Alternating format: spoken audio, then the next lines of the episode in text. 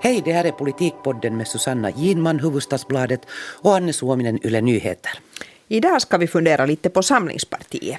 Vi tycker nämligen att nya ordföranden Petteri Orpo är ganska bra på floskler och löften som verkar lite tomma. Och så blir det kanske lite prat om gråtande män. Och en blick framåt mot hösten. Vårdreformen verkar vara lite i blåsten igen och så undrar vi hur det riktigt ska gå med regeringens eh, olika experiment som man har marknadsfört.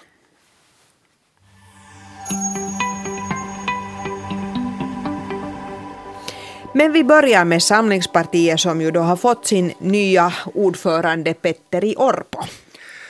Och eh, vi har båda kanske reagerat lite på hans stora linjetal då efter att han har blivit vald. Där han, om nu inte slog näven i bordet, så åtminstone på något sätt försökte visa att nu ska det bli ordning på torpet i Samlingspartiet och att han sa att Samlingspartiet fortsätter givetvis i regeringen men man sitter inte där till vilket pris som helst. Och då väntar man ju sig att han ska ha någonting att komma med, någonting som han som ny ordförande absolut vill driva i regeringen och som kanske till och med skulle kräva lite förhandlingar. Ja, han, han det fan, lyfte ju fram en ganska konkret sak på sätt och vis. Att han sa att det ska absolut inte bli några mera skolnedskärningar eller nedskärningar i utbildningen överhuvudtaget.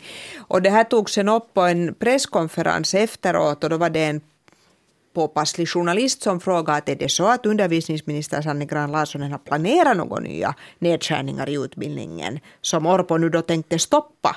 Men inte var det nu riktigt på det sättet utan det var nog bara en sån här allmän eh, åsikt. Ja, och det här låter ju faktiskt bra då att han lovar är en garant för att det inte ska bli några nya nedskärningar. Det tackar vi för. Men han hade då en rad andra eh, så här, no, han kallade det inte för pointer eller punkter som, som Alexander Stubb gjorde, men, men tre, fyra frågor där han då ansåg att eh, Samlingspartiet nu ska se till att, att någonting blir gjort. För det första så nämnde han det här med regeringens mål om 110 000 nya arbetsplatser. Nå, det här kräver, sa han, nya och omfattande åtgärder och det ska han nu då diskutera med statsminister Sipilä och eh, Sannfinländarnas ord, partiordförande utrikesminister Timo Soini. Då kan man ju förstås spekulera i att är det månntro så att varken Sipilä eller Soini vill ha några nya åtgärder för att nå det här målet? Ja, det kan man ju fråga sig. Det är ju en, man kunde ju göra, kanske med Orpos tal, det här testet som man kan göra, att man sätter in ett inte framför alla sådana här krav och, och, och, så funderar man att är det någon som skulle komma liksom fram med negationen? Och det, det mesta var ju sånt att så är det inte. Jag menar att det var allmänt omfattande välvilliga tankar. Och det som han ju genast då gick, en sak som han ju också sa var det här att, att det där att det blev ganska klart, det sa han nog inte i sitt tal men det kom fram annars att, att, de, att de egentligen skulle vilja ha fler ministrar i regeringen. No, det, skulle också fått, vara behändigt. Det har ju fått backa. Det har han då fått backa, att det var det, var det första som liksom inte lyckades. Och det här med nya ministrar, då hade det krävts tre nya ministrar, Precis. en minister per regeringsparti och att eh, Juha Sipilä skulle ha gått med på det så hade ju nog varit en, hur ska vi säga, igen en en, en förlust för honom. Han hade igen fått backa på någonting som han eh, lovade och ville ha då när regeringen ja. tillträdde. Så en prestigeförlust. Liksom en prestige, ja. just det, prestigeförlust. Så att det här, det här när Orpo gick ut och, och ville ha flera ministrar så, så jag menar, man visste redan då att det här är bara tomt prat. Det låter kanske bra och han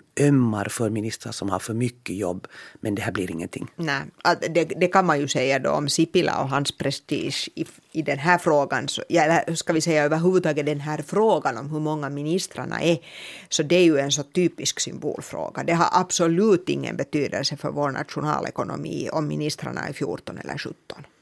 Så, så, så liksom som fråga tycker jag att det är en icke-fråga. Mm. Men eftersom Sipi, det här är nu en av Sipiläs stora idéer så är det klart att han inte kan backa. Mm. Men ännu om det här med 110 000 nya arbetsplatser så, så min första fråga då är att eh, vilka nya metoder är det Orpo tänker på? Och uh, han talade också om att det ska vara omfattande metoder. Det är inte liksom något smått knopplande här och där med några no, små lättnader för småföretag till exempel utan, utan det krävs nog mer. Och han var sen inne eh, i samma veva lite på det här med, med lokala avtal eh, som ju det här att det inte riktigt blev så som Samlingspartiet ville i det här konkurrenskraftsavtalet så så gjorde det förstås att han måste gå in på det på något sätt. Men nu vill jag se honom slå näven i bordet i regeringen där också. Till exempel kräva att okej, okay, det blev ingenting i avtalet med arbetsmarknaden men låt dem oss då lagstifta om det. Det det är helt otänkbart. Nej, det är klart att det är helt. Och det här var en sån här typisk, han skulle liksom sträcka ut en hand och visa att han har noterat det här missnöjet med de lokala avtalen. Men att det är ju liksom nu cementerat i och med att det här konkurrenskraftsavtalet blir av. Även om det fanns många i Samlingspartiet, till exempel Jan Vapaavuori, som ju tyckte att det var dumt eftersom att man då liksom för lång tid så att säga cementerar arbetsmarknadsorganisationernas roll och så här. Och att, men jag menar så är det nu och jag tror inte att Samlingspartiet är, är det, det parti som nu kan göra något åt det här eftersom det kräver liksom regeringen har slagit fast att det Precis. är så här Sen, och, och, organisationerna. På tal om arbetsmarknaden och arbetslivet så godkände ju Samlingspartiet också en motion som, där det också blir intressant att se hur Orpo tänker gå vidare. Det vill säga, du var med där, du kan kanske jo, berätta alltså om det, det var så till, här, för det var lite jo, intressant. Det, det, var så det här att, Precis. Eh, där fanns ju totalt 248 motioner, vi talade ju om dem i vår förra podd. Eh, men tre av dem var då nästan lika lydande och gick alla ut på att, att, att man ska gå in för att reformera arbetsmarknaden och reglerna på arbetsmarknaden. Eh, och där var då en väldigt viktig fråga i alla de här motionerna det att, att de här eh, kollektiva avtalen ska inte vara allmänbindande som det är idag och att eh, Samlingspartiet ska arbeta för att luckra upp det här. Och, det där, och de här behandlas då i en rask takt där och, och de två eh, partistyrelsen hade gett liksom samma svar på alla tre men de behandlades ändå skilt. Och de två första så där röstar man och partistyrelsens åsikt, det var ett långt svar liksom, som gick ut på att jo, men nej. Eh, och, det där. och sen i den sista så då krävde, jag tror att det var de här ganska aktiva samlingspartistiska ungdomarna, att, att det inte bara skulle vara ordföranden som konstaterar när man sträcker upp röda och gröna lappar vad som är majoritet, utan att de faktiskt skulle räknas, de här händerna. Och, det där. och då visade det sig att det blev majoritet eh, för den här motionen. Det vill säga för att man ska frångå allmänbindande kollektivavtal. Precis, precis. Det här kommenterar inte nu då Orpo alls i sitt linjetal fast det hade hänt. Och Men det här är ganska före. häftigt om Samlingspartiet då uh, skulle börja driva den frågan. Ja. Till exempel före partikongressen så läste jag en intervju med tidigare mångåriga partiordföranden Ilkka Suominen där han uh, uttryckligen han varna partiet för att ta konflikt med arbetsmarknaden. Och han påpekar att det faktiskt finns många äh, samlingspartister som är fackmedlemmar. Och vi har Akava Sture Fjäder ledda Akava Sture Fjäder samlingspartist och säkert en stor del av Akavas medlemmar också. Att det är inte så det är enkelt inte det här enkelt. för Nej. Samlingspartiet. Hur gärna än de radikala unga samlingspartisterna vill sätta facket Precis. på knä och säkert många andra också. Ja, de var väldigt aktiva där på kongressen annars också och utmana liksom eh, hur ska jag säga, sättet att leda möte och så här liksom för att de tyckte på något sätt då att deras poänger inte kom fram tillräckligt bra. Men, men det där, ehm, men jo, jag tror ju att det här kanske hör nu till, till de motioner som inte kommer att få någon sån här hemskt omedelbar verkan mm. i, i, i Men den är ju talande, det berättar vad partiets mål är hur som precis. helst. Ja, det finns, då, precis, det finns då en majoritet för det. En annan sak som jag tänkte på som eh, att vi kunde reflektera lite kring är ju det här, mm, för att återgå till det här linjetalet och floskler eller inte floskler, så det här att, att Orpo tog upp det här med fattigdom och att i Samlingspartiet så hade fattigdom som problem diskuterats allt för lite och att det här eh, måste man då göra no något åt och att uh, Orpos slogan inför det här ordförandevaret var ju Mukana ollaan, vi är, eller alla, vi är med, eller hur, hur man nu ska översätta mm, det. Och han avslöjar då, där på, alla ska vara med, ja, att det just betyder det här att alla ska vara med. Att inte bara de som är starka och klarar sig bra och det där. Och det här kan man ju, jag vet inte vad du tänkte Anne när du hörde om no, det här. Jag hoppar ju lite till och jag måste kolla sen ännu faktiskt det här talet, att hur står det här och och när jag tittar på det här före vi börjar göra den här podden så, så ja, här står alltså så här att vi ska såväl i tal som i handling visa att vi verkar för att minska fattigdomen. Att de fattiga finns i våra hjärtan och Samlingspartiet har de bästa medicinerna för att motverka fattigdomen. Det vill säga jämställdhet, arbete, god service, utbildning. Men, men eh, om man nu ser lite på bakåt och den här regeringen där Orpo ju har suttit med och vad den då har gjort för att minska fattigdomen uttryckligen. Jo, jag håller med om det här att arbete är det bästa sättet att eh, motverka utslagning och fattigdom. Men det finns många beslut som den här regeringen har fattat som, som har eh, gått i en helt annan riktning, som alltså har gjort det eh, värre för de fattiga. Ja, och, det, och kanske det allra värsta är ju det att eftersom det finns ganska många beslut som går i den här riktningen och som på olika sätt slår mot dem som redan från början har ganska lite pengar. Jag menar, ta nu till exempel medicinersättningar och den här 50 euron som man skulle betala i början av året eh, ur egen, egen ficka. ficka då, vilket är en stor peng om du har lite pengar. Så det där Eh, så att det liksom blir en sån här samlande effekt. Att det är ju det som sen kan så att säga knäcka kamelens rygg för många. Att det blir många bäckar små som ur en välbärgad synvinkel mm, liksom kan vara att men det är nu ingenting. Liksom. Så när de sen tillsammans, sammantaget så kan det faktiskt bli väldigt mycket och ha ganska katastrofala följder. Och det här, jag menar, du har helt rätt, så här är det och inte det är ju bara den här. No, den förra regeringen faktiskt höjde ju lite på de här, första gången på 25 år så höjde man ju på de här allra lägsta eh, stöden som till exempel det här, eh, vad heter nu det här, arbets, alltså det här arbetsmarknadsstödet till Precis. exempel.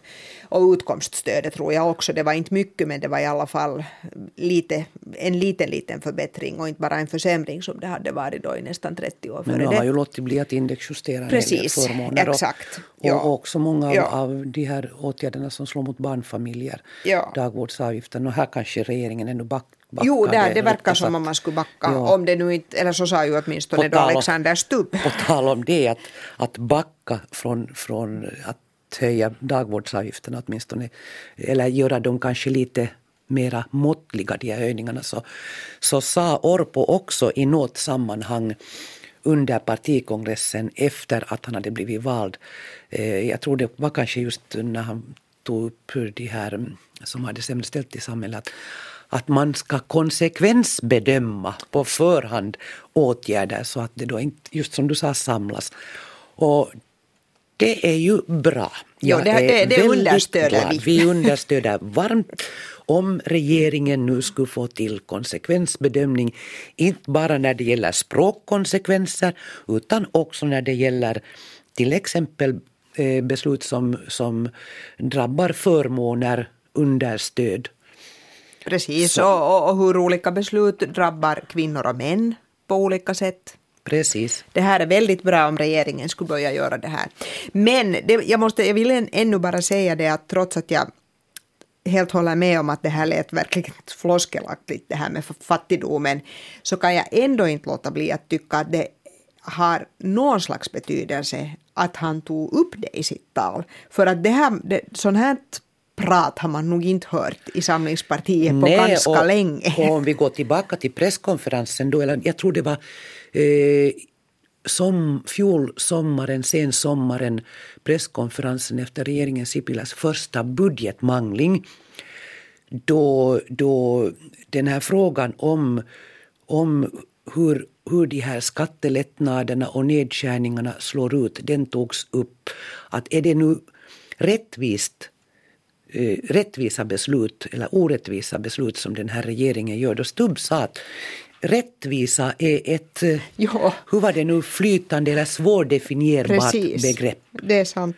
Och då hade man uppenbarligen inte, man hade inte en tillstymmelse av konsekvensbedömning bakom de besluten då. Nej. Och jag tyckte det var ju ganska upp, Ärligt. ärligt och uppfriskande att finansministern säger att rättvisa är ett flytande begrepp eller svårdefinierbart begrepp. Absolut. Ja, det där... mm, Så att vi får nu se hur det blir med Petteri Orpo. Han ska nu Ja, bli finansminister i alla fall så småningom. Finansminister, ja. Och den som då inte ska bli minister så ja, är det är Alexander Stubb. Det är Alexander Stubb, ja. Jag tror vi var f- flera som tippade då när det begav sig på partikongressen att den mannen kommer att ta time out nu. Jag minns när jag lyssnade på hans tal och han sa att, att han, han eh, nu, det här alltså talet efter att han hade fotats, att nu ska han bli en bättre make och far. Och då tänkte jag bums att yes, han kommer att ta time out. Så det ja. gör han nu. Ja, han vill alltså inte bli minister. Nu vet vi ju, vi vet ju inte ännu liksom, åtminstone just vi och just nu här när vi bandar det här, vad annat han vill eller inte vill. Men det där, eh, jag tippar ju att han knappast vill bli vice talman i riksdagen heller. Det är inte ett sånt uppdrag som är klippt och skuret för Alexander Stubb. Nej, jag tror inte heller att kombinationen Alexander Stubb, Mauri Pekkarinen och, Maria Lohela. Maria Lohela är den här optimala. Även om det, det handlar ju inte om att göra politik i den Men det är just trojkan, kanske men det som är problemet delvis. Att, att det är ju ett ganska formellt... Det är ett formellt jobb. jobb. Det sitter inte riktigt i hans Nej. habitus. Nej, precis. Så att det där... Så att vi får se, men däremot så kan man ju säga att... um, Men det, här kanske... Han kan ju få något jobb förstås. Exakt, och det har ju påståtts att, nu måste jag säga att jag kommer inte mera ihåg vad jag snappade upp det här, så det får, väl betecknas som ett rykte, men det där att, att han redan skulle ha fått en hel del jobberbjudanden, och det kan ju hända att det stämmer. Men då, det, då måste vi komma ihåg att han är ju invald i riksdagen, och riksdagen lämnar man inte så där bara. Det är den samma diskussionen som fördes i samband med att Karl Haglund då beslöt att lämna partiordförandeposten i SFP. Eh, många, många tror att man kan lämna riksdagen så där bara. Menar, Karl Haglund skulle säkert också gärna ta emot något toppjobb, något intressant jobb eftersom han nu då är lite fed up på politik. Eh, Det har han ju faktiskt sagt själv. Men, men det, liksom, man kan inte lämna riksdagen för vilket jobb som helst eller för alltså vad som det, helst. för det första så är det inte bara att... Det är inte ett anmälningsärende. Nej, det är inte heller så att man kan säga upp sig. Vilket ju är helt befogat eftersom man har fått en fullmakt av folket att representera folket. Och då är det egentligen bara så att säga folket som kan ta ifrån eh, en person den fullmakten. Men, men det, där, det finns ju situationer då när så att säga när det ändå är aktuellt och då är det så där formellt sett så är det alltså riksdagen som fattar beslut om man beviljar avsked åt en riksdagsledamot och, och, och det är ganska vagt formulerat men i praktiken är det så att säga kan man säga kanske ett politiskt beslut. Och det finns ju ett exempel från den förra riksdagen när den här samlingspartisten Lasse Männistö som då var invald eh, för första gången i riksdagen, han ville, han ville vikariera mm, Laura, Laura Räty, Räty ja. som eh, direktör för hälso och sjukvård i Helsingfors. Eller var det kanske så att han till och med skulle ha fått det som ett snuttjobb för att det var en viss period. Det kan hända att Ja, det det var, var då när hon blev vikariat, minister. När hon blev minister. Och det, där, och det blev ju back. Det kom sen aldrig så långt som att riksdagen skulle ha behandlat det, men signalerna från riksdagen och då var det ju talman, dåvarande talmannen Eero Heinäluoma som gjorde ganska klart att när man är första periodens riksdagsledamot och jobbet är ett sånt här snuttjobb så, så tycker han inte helt enkelt att det är lämpligt eller tänkbart att man kan lämna riksdagen. Och sen- Haglund är ju faktiskt också första periodens riksdagsledamot, även om han har varit minister och partiordförande. Men sen har vi ju exempel på dem man har kunnat lämna riksdagen eh, även om det inte har handlat om ett jobb. Vi hade Esko Aho som var borta från riksdagen i ett år var det väl för Ja. att eh, för att eh, vara gästföreläsare, studera vid Harvard universitet i USA, USA. ja. Och det var ju nog ganska mycket diskussion om det då och den diskussionen var inte så, eh, jag menar det gick ganska fullt till. Ja, han till var själv väldigt besviken. Han var mycket besviken Ja. men han, han fick ju den, hur ska vi säga, tjänstledigheten från riksdagen. Ja, Men sen nej, kommer jag ihåg precis. också, de här orsakerna har ju, eller försöken har ju förekommit tidigare och de, de har fått back. Till exempel eh, Marjatta Stenius som var riksdagsledamot för, eh, det hette inte Vänsterförbundet Nej, då. det hette säkert DFFF tror Ja. jag på den tiden. Och hon ville lämna riksdagen för att hon ansåg att hon får ingenting till stånd där.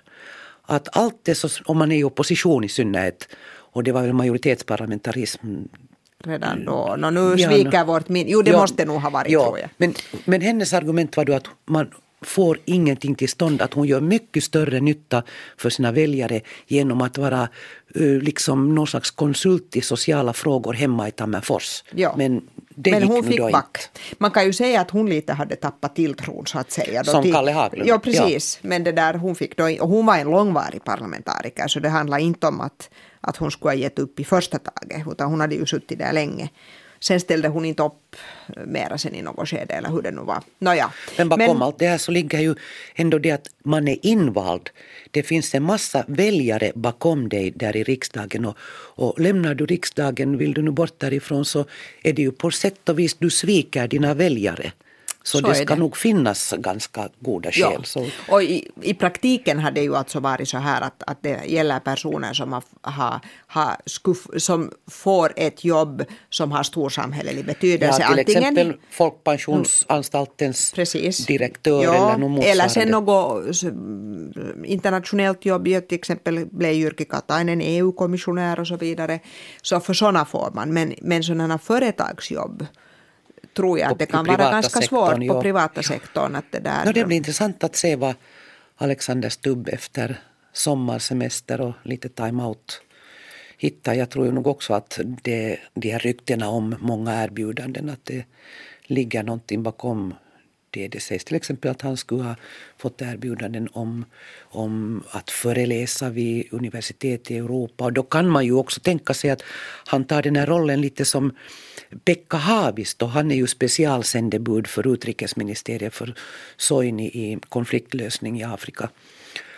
Att eh, Stubb skulle jobba lite på samma sätt. Resa ut i Europa och föreläsa om EU och sen komma och trycka på knappen emellanåt. Och, och, och på något sätt så, alltså en sån här tanke som slog mig när Petteri Orpo då eh, ersatte Alexander Stubb var att, att när man nu har letat efter orsakerna till varför man vill ha bort Stubb så, så liksom någon- någonstans här så tror jag att det handlar om att Finland har vänt sig väldigt mycket inåt. Precis. Att nu har vi inte i regeringen en utåtvänd eh, europeisk eh, minister, alltså någon som kan och är engagerad i Som eh, brinner för och brinner för EU Ja. och har de där nätverken och som åker dit ner, ner och någon, någon sa till mig att, att eh, vad heter han, Schäuble, Schäuble. Schäuble, tyska finansministern, eh, att titta på honom, han sitter i sin rullstol i ett hörn och alla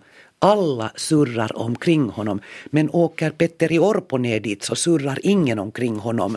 Att okej, okay, Tyskland och Finland lite andra saker. Men, men jag tror att där har personligheten också en, Absolut. spelar en stor roll. Att, att betydligt fler eh, har nog surra och skulle surra kring Alexander Jo, Stubb jo, och en av, hans, liksom, en av hans stora förmågor är ju just det här att nätverka och, och få Mm. kontakt med människor. Så en förlust är det här Absolut, för Finland helt nog. klart. Helt klart. Att han var kanske bara inte riktigt på rätt plats och vid Precis. rätt tid kan man säga. Men det där, mm, ja, Stubb hörde ju nu då till dem som, som föll i tårar när han tog avsked och, och hade tackat sin pappa och sin fru. Jag har väldigt svårt med tårar. Offentliga tårar. Mm, Ja. Nu har jag fått säga det. Det har du fått säga. Jag Ja. menar, jag har också, måste jag säga, men samtidigt i samma andetag måste jag erkänna att tårar alltid berör mig hemskt mycket. Trots att jag har lite Jag svårt blir för dem. Att jag pinsamt kan inte... berörd. Jag, jo, det berör mig också. Ja.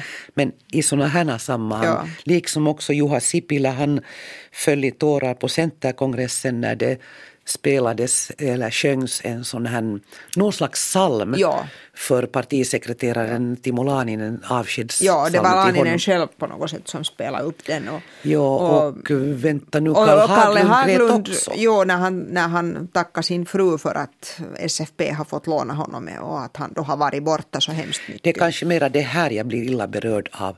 Att eh, i offentligheten tacka sina närmaste, sin fru och sin barn och, och sin pappa och allt det här. Att jag tycker det är väldigt privat sfär.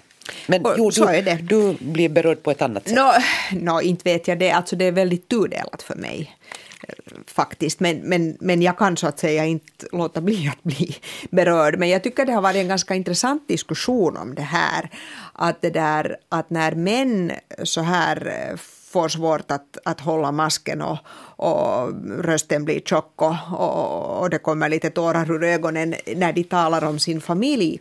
Så då är det liksom okej och det, det är till och med ett, det är på något sätt liksom ett, ett bevis på rent av styrka eller liksom no, no, en sån här känslomässighet som är accepterad. Men, men kvinnor får ju aldrig gråta. Om kvinnor gråter så då är det bara dåligt.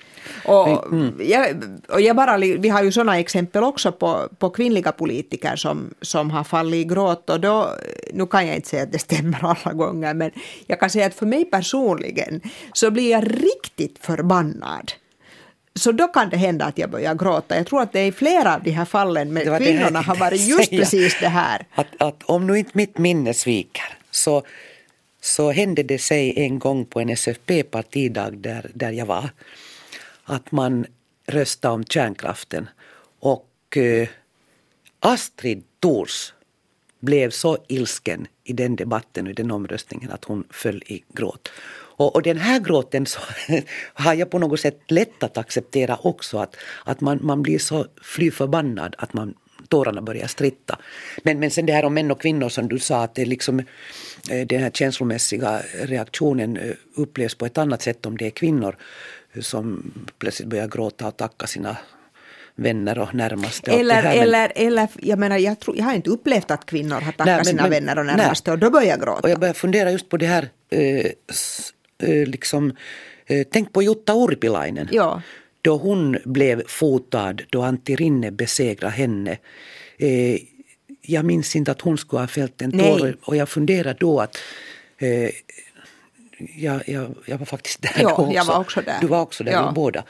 Att, eh, är det så att hon, hon är så tuff att hon håller masken, att hon egentligen gråter skulle vilja gråta men att hon vet, menar, hon hade den där bakgrunden med att vika ut sig i någon kvällstidning med nätstrumpor och så här. Hon hade liksom testat de här gränserna. Och att hon, hon på något sätt inte ville ge eh, någon de här vapnen, att hon gråter när Ja. hon förlorar mot Antti Men jag menar, skulle hon ha börjat gråta i den situationen eller, eller någon motsvarande kvinna, annan kvinna i en motsvarande situation så skulle de ha betecknats som våt. Ja, ja, det är det jag menar. Ja, att var det därför precis. skulle hon Säkert. egentligen ha haft lust att gråta men hon Nå. vill inte för att Det kan vi ju inte veta. Nej, nej, nej. Men, Men, jag, tror menar, att kvinnor kanske försöker hålla sig Exakt, också. det tror jag också. För att de vet hur Så de det. upplevs. Precis, just så är det. De är det jag. och våpiga Ja. och känslosamma och blöta Ja, och halvhysteriska. och, det, och det är dåligt om man är kvinna. Men det är okej om man är man. Men det där, i stort sett, så här är det. Men det där, eh, en, ja vi, vi konstaterar ju redan att, att det där en, en som då, en av de här gråtande männen var, var Karl Haglund. Och jag har nu bara behov av att säga eh, någon sak om SFPs partidag där ingen där av oss då var. Och Fritt har fram, vi Susanna. Nej, jag tycker bara att det var liksom lite roande, eller hur jag nu ska säga, det här SFPs svårighet att få till stånd det här beslutet om vad partiet tycker om NATO. Att, att först var det ju så här att att det förslag som gick till partifullmäktige så, så var ganska så där luddigt formulerat. Att det var inte så där klart att SFP vill att, att Finland ska bli, vara NATO-medlem 2025. Sen beslöt partifullmäktige att det ska stå just så att det är det förslaget som ska gå till, till partidagen och sen var det ett utskott på partidagen som igen ändrade det här. Och, där, där det, och tyckte att man istället skulle besluta att partiet är öppet öppen för en process som...